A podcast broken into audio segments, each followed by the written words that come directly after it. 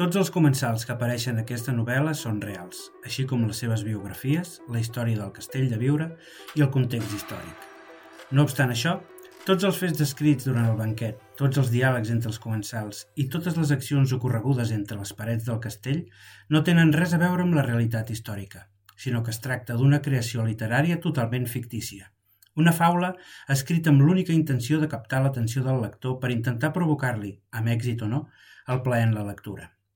L'objectiu de qualsevol escrit que tingui la pretensió de ser literatura, des de l'humil punt de vista de qui escriu aquestes paraules, consisteix en això, provocar plaer en la lectura. Per consegüent, tota creació mental imaginable es pot basar en un paper amb total independència de la seva veracitat, sempre que no afecti l'honor de ningú i que sigui fet amb la pretensió de gaudir. En exercici del dret fonamental a la producció i creació literària, aquesta novel·la neix com la prolongació d'una idea embrionària del seu propi autor, en la qual s'entremesclen impressions i experiències en fets passats, donant naixement a un univers de ficció que habita en la ment de l'autor i que aquest intenta compartir, procurant no lesionar el dret a l'honor ni a la intimitat dels personatges que apareixen a través de la paraula escrita.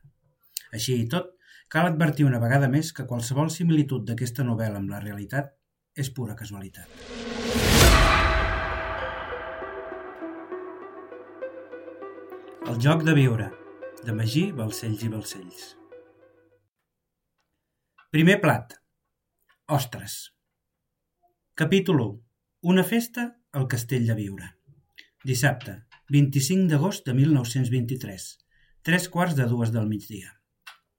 Observant des de la finestra principal del castell, la senyora Isabel, l'anfitriona de la festa, mirava amb els ulls clucs tot esperant l'arribada de l'últim convidat. Estava nerviosa, Gairebé hi era l'hora i un dels convidats més especials encara no havia arribat. Va mirar el rellotge Lluís XVI que reposava sobre una consola clàssica imperial de l'habitació i va sospirar. Feia setmanes que treballava incansablement perquè tot sortís bé. Les cartes d'invitació, el menú, les estovalles, els aliments per elaborar els plats, el cuiner, el servei, la cristalleria, els vins... Havia invertit molt temps en aquella festa i, malgrat que estava acostumada a ser una gran anfitriona i a tenir convidats a casa de forma assídua, el cert és que mai havia celebrat un banquet tan important com el que tenia preparat per aquell dia al castell de Viure.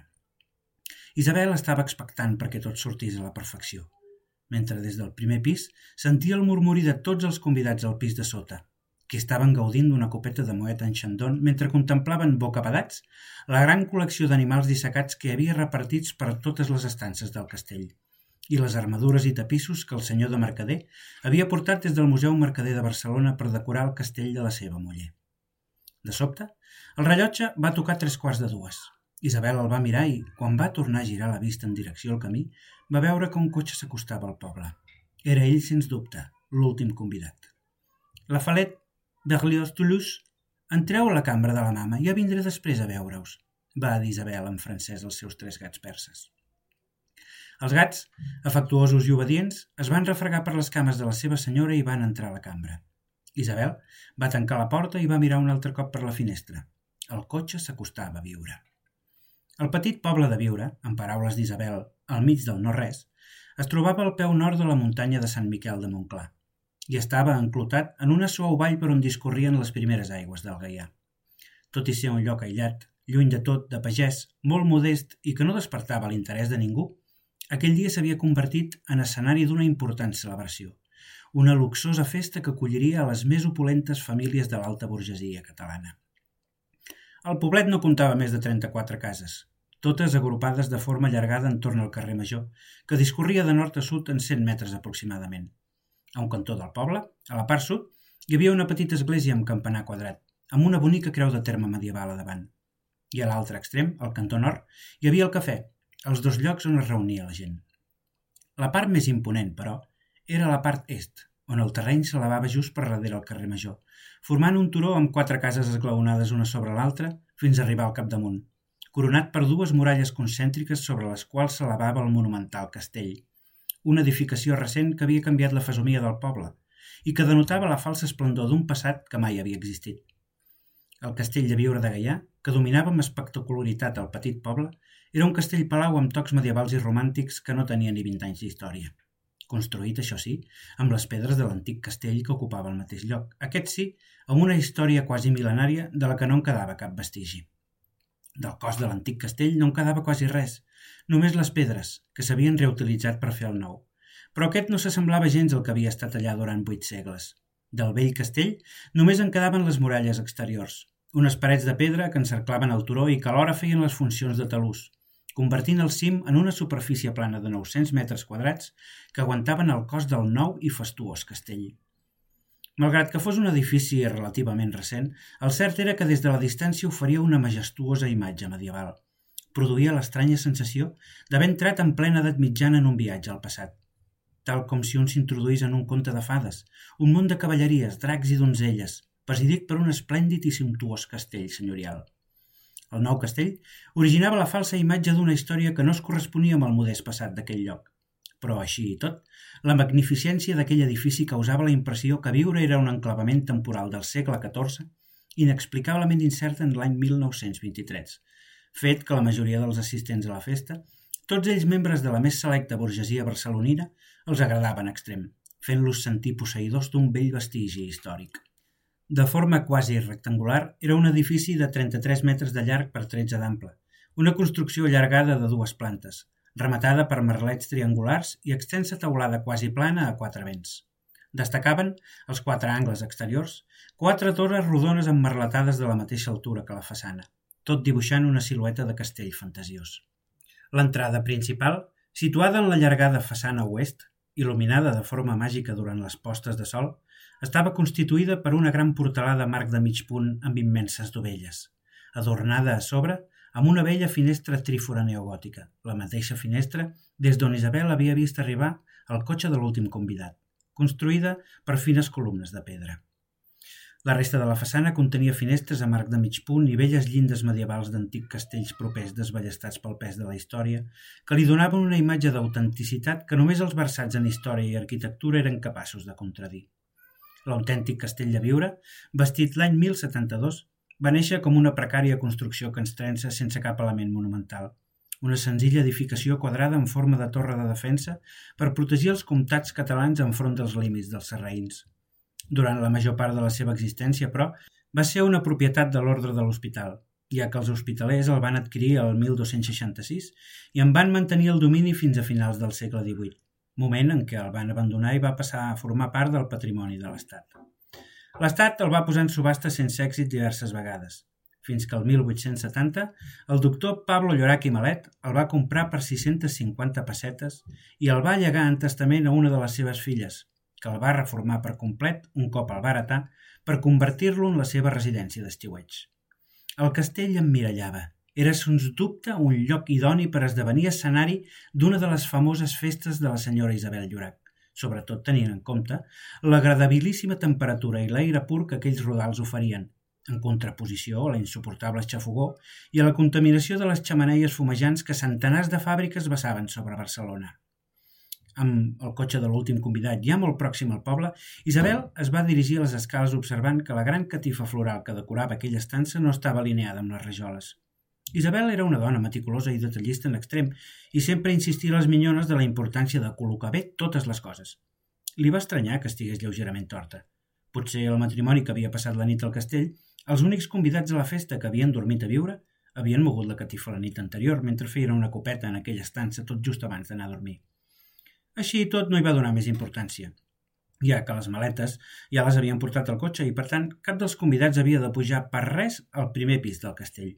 D'aquesta manera va baixar l'entrada per rebre l'últim convidat com es mereixia.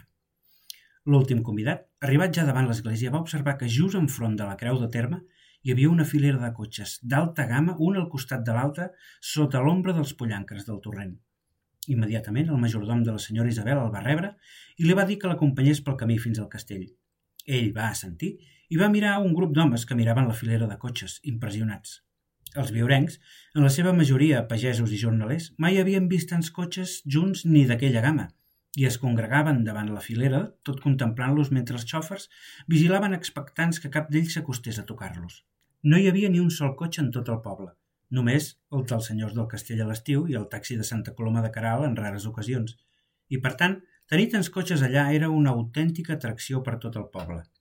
Hi havia exactament 19 cotxes, d'entre els quals els viurencs podien reconèixer, per la seva matrícula, el Lancia Tricapa del senyor de Mercader i el Rolls-Royce Silver Ghost Cabriolet de la senyoreta Isabel Llorac. Era estrany que els senyors haguessin deixat els cotxes allà. De normal estaven sota cobert. Amb tota seguretat, però, la senyora Llorac els havia deixat allà expressament perquè tots els convidats en aquella selecta trobada els poguessin observar, atès que no tothom es podia permetre un Rolls Royce com el de la senyora Llorac. A més a més, a Barcelona era conegut per tothom que cap festa era digna de ser dita amb aquest nom si a l'entrada no hi havia aparcat el Royce de la senyora Llorac. Isabel Llorac era reconeguda a tota Barcelona i famosa per desplaçar-se sempre a l'hipòdrom amb el seu esplèndid Rolls Royce, amb cotxer i lacai, i per tant, per molts, la simple presència d'aquell famós cotxe denotava importància i proximitat a l'inigualable poder d'influència que la senyora Isabel tenia. A la festa hi havia exactament 32 convidats, dels quals 13 eren matrimonis, és a dir, 26 persones, més 6 que assistien a títol individual. 17 homes i 15 dones, dels quals els 7 industrials més importants del país, dos advocats, tres polítics de pes dins la Lliga Regionalista, dos militars, un cardenal arcabisbe i cinc banquers. Sense tenir en compte el Liceu, mai s'havien congregat junts un nucli de persones tan influents com aquell, i el que havia fet possible reunir-los a tots havia estat precisament que d'aquelles 32 persones, 11 eren membres assidus del club de festes de la senyora Isabel, totes dones, 10 de les quals havien estat convidades a assistir amb els seus marits, així que d'11 passem directament a 21 convidats que assistirien de forma incondicional. La resta, 11, en veure la llista de convidats que havien acceptat la invitació, no van dubtar ni un instant a assistir atès la rellevància de les persones en qüestió. Esperant davant la porta del castell, la senyora Isabel va veure finalment el seu majordom i l'últim convidat. Es va avançar i tot donant la mà mentre l'últim convidat li prenia i li feia un petó, la senyora Isabel va dir «Benvingut a viure, Francesc. Has tingut problemes per trobar el castell?» «No», va respondre Francesc. «Ja hi havia estat aquí, no ho recordes?» «Ah, és veritat», va respondre ella, somrient. Pels vols de Nadal, no? Discreció, Isabel, va dir ell. Discreció, si us plau. Tranquil, ningú sap res, va respondre ella, mirant-lo fixament als ulls. Si per alguna cosa sóc famosa, és per conèixer els secrets de tothom i sobretot per no revelar-los mai a ningú. Segurament és per aquest fet que la gent em confia els seus secrets. Per la meva discreció, va picar-li l'ullet. Entrem? Vinga, va, tinc gana, va respondre Francesc. Arribat ja l'últim convidat i fetes les salutacions oportunes, els convidats es van dirigir a la fastuosa taula per començar el banquet, mentre des del gramòfon situat sobre d'una bonica tauleta sonava la vanera de l'òpera Carmen de George de Bizet. L'escenari del banquet era una gran taula rectangular, situada a l'entrada mateixa del castell, en una gran sala que servia de recepció i que anava d'un cantó a l'altre de l'edifici, amb la porta principal del castell a la part oest i una altra a la part est, amb vista al jardí. A banda i banda de la porta d'entrada, per la part interior, dues velles armadures medievals custodiaven l'entrada i vigilaven la taula, amb un bonic moble amb un joc de bastons per passejar just al costat. A l'altre cantó, a la part del jardí, una porta i dues grans finestres enreixades deixaven passar la llum, amb multitud de marqueses de fulles elefantines, potos que s'enfilaven per tot arreu i quènties de fulles fines que creixien ofenoses fins a tocar les parets laterals fent la impressió d'una frondosa selva interior d'on destacava, sobre una tauleta rodona de marbre blanc, un bonic gramòfon amb trompeta daurada que proporcionava aquella preciosa melodia que Bizet havia estrenat en primícia al Teatre Líric del Passeig de Gràcia ja feia anys. Per aprofitar millor la llum, en les llargues parets laterals hi havia quatre grans miralls, dos a cada banda, emmarcats per sumptuosos marcs amb motllures daurades i columnes jòniques que li donaven un aire clàssic que no conjugava gaire amb l'estil del castell, però que, així i tot, li conferien un aspecte pompós i aristocràtic molt acord amb el gust de la majoria dels comensals. A més a més, el joc de miralls ajudava a engrandir la sensació d'amplitud i profunditat, així com potenciar la llum i explandir la claror. Decorant la sala, davant els miralls i a les parets, es trobaven grans animals dissecats per servir de fer faents comprovants de l'habilitat del senyor de mercader pel que a la cacera es referia. A la paret del nord hi havia un gran mufló amb recaragolades banyes davant el mirall de l'esquerra i una poderosa cabra hispànica amb erectes i llargues banyes davant del mirall de la dreta, produint la simètrica sensació que hi havia quatre grans mamífers ungulats vigilant la taula amb docilitat. Finalment, presidint esplendorosament la paret, entre els dos miralls, a la part superior, un cap de cèrvol amb unes superbes cornamentes coronava aquell espai taxidèrmic amb magnificència. Igualment, a la paret de l'altre cantó, davant per davant, hi havia un linx ensenyant les dents davant el mirall de la dreta i un immens llop ibèric també en actitud amenaçant davant del mirall de l'esquerra, produint el mateix efecte simètric que en el cas anterior, però en aquest cas amb extrema agressivitat.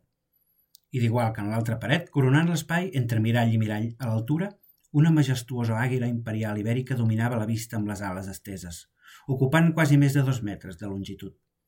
Per acabar d'embellir l'espai, des del bonic sostre embigat penjaven tres grandioses làmperes d'aranya amb espelmes, una justa sobre la taula i les altres dues uns metres de la porta d'entrada i del jardí.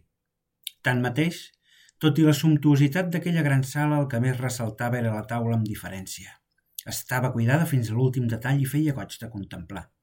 Les estovalles eren de seda domassada, de color blanc, la coberteria de plata, els plats de porcellana blanca i les copes i gots de cristall de Bohèmia. Molt probablement, el valor d'aquell joc de taula era equivalent al que una família pagesa guanyava en una dècada. Impressionava. Hi havia una copa d'aigua, una de vi blanc, una de vi negre i una de xampany per cada comensal, col·locades de forma esbiaixada davant del plat per la part dreta. I d'igual forma, a banda i banda de cada plat s'hi trobaven, a mà esquerra, quatre forquilles diferents i a mà dreta quatre ganivets, quatre culleres soperes i una forquilleta de marisc. Davant, entre l'espai que quedava entre el plat i les copes, hi havia una cullereta i una forquilla de postres. Sobre cada plat, els tovallons de joc amb les estovalles reposaven alçats com si fossin arbrets de teixit que florien del plat. I a sota dos papers. Un petit sobretancat amb el títol El joc de viure, i amb un número diferent cadascun, i al costat, en un paper llargat de cartolina beix, hi havia el menú escrit en francès. Finalment, just al davant, entre les culleretes de postres i les copes, hi havia un paper escrit dolçament a mà amb el nom del comensal. Rere les copes hi havia poms d'espigues de blat i d'ordi estesos sobre la taula, alternats amb poms d'espígol en idèntica posició, tot decorant amablement amb productes d'estiu d'aquella zona. Més cap al centre de la taula hi havia diverses peces de porcellana i gran quantitat de pètals de roses que s'alternaven amb multitud d'espelmes enceses per donar un càlid ambient a les fresques parets del castell. Finalment, al centre de la taula, Coronant-la, hi havia un gran gerro amb un pom de roses vermelles. Els convidats miraven cada lloc per saber on havien de seure i a poc a poc cadascú va anar prenent seient. Anaven deu persones a cada cantó de la taula, als extrems més llarg, i sis en els més curts. Un cop asseguts tots, la senyora Isabel Llorac es va aixecar per donar formalment la benvinguda a tothom. Ja hi som tots? Aquí hi ha un lloc buit, va dir Domènec Cert, assenyalant al costat de la seva cadira. És el lloc del senyor Joan Godó i Llucià, segons l'etiqueta. Ah, és veritat, va dir la senyora Isabel Llorac. Algú sap on és el senyor Godó? Els comensals es miraven els uns als altres sense dir res, alhora que alguns s'arronsaven les espatlles. On es deu haver posat aquest home? Va dir Francisco Javier de Mercader a la seva dona Lluïsa Llorac, la propietària del castell. Abelino, va dir Isabel Llorac, el majordom, té alguna idea? Ja vinc, ja sóc aquí, va dir Joan Godó entrant a la gran sala procedent del passadís. Era el bany. Un cop assegut el senyor Godó i Llucià, Isabel Llorac va dir Estimats amics, benvinguts al Castell de Viure. Espero que el trajecte fins aquí us hagi estat plaent i desitjo de tot cor que gaudiu de la festa. Avui us hem citat aquí perquè un cop conclòs el banquet, tots plegats mirem de trobar solució a la greu situació que pateix el nostre país. Eh, com bé sabeu, jo no tinc cap afany de fer política, Déu me'n guardi, però molts dels que sou aquí fa dies que patiu per la situació i em consta que el fet de reunir les famílies més importants de Barcelona entorn una taula pot servir per buscar una solució. Eh, però abans que comencem a posar-nos en temes tan avorrits, gaudirem d'un exquisit banquet, dissenyat, dissenyat ni més ni menys que pel xef August Escoffier, el millor del món. A més a més, durant el transcurs del banquet, amenitzarem la vetllada amb un original joc de taula. L'Avelino, el nostre majordom, ens introduirà i ens guiarà en el joc. Bé, doncs, sense més demora, que comenci la festa. Un cop Isabel va seure, Avelino, el majordom es va acostar a la taula i va dir el menú que podran degustar a continuació ha estat dissenyat pel xef francès Auguste Escoffier, conegut arreu del món per ser el rei dels xefs i el xef dels reis. El xef Escoffier ha dedicat la seva vida a la cuina, aconseguint renom internacional a través del seu restaurant Le Faisan d'Or a Cannes, el trampolí que li va permetre esdevenir posteriorment cap de cuina del Gran Hotel de Monte Carlo, de l'Hotel Savoy de Londres, del Gran Hotel de Roma i de nombrosos hotels Ritz a tot el món. Amb 75 anys i després de dedicar tota la vida a la cuina, el xef Escoffier es va retirar fa dos anys, el 1921, però així i tot sembla que no es va poder resistir a la petició de la senyora Isabel Llorac perquè elaborés el menú que degustaran a continuació. A tall de curiositat, la nit del 14 d'abril de 1912, el menú de primera classe que es va servir al Titanic va ser confeccionat per Escoffier. Esperem que el banquet no acabi igual que el d'aquella nit, va dir Francisco Javier de Mercader fent riure tots els presents. Al moment, un home de mitjana edat, una dona exuberant i molt guapa, una jove embarassada i una dona més aviat vella, tots vestits amb pulcritud amb roba negra de servei, es van acostar amb ampolles de vi blanc i van servir les copes mentre Belino seguia. Podran degustar ara un exquisit Jossishofer Auglese del 1915.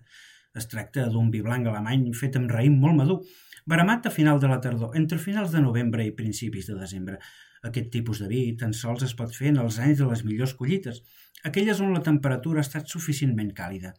A causa d'aquesta maduració tardana es tracta d'un vi molt dolç i d'alta graduació que ha envellit durant un llarg període de temps i que esdevé perfecte per maridar amb el plat que servirem a continuació.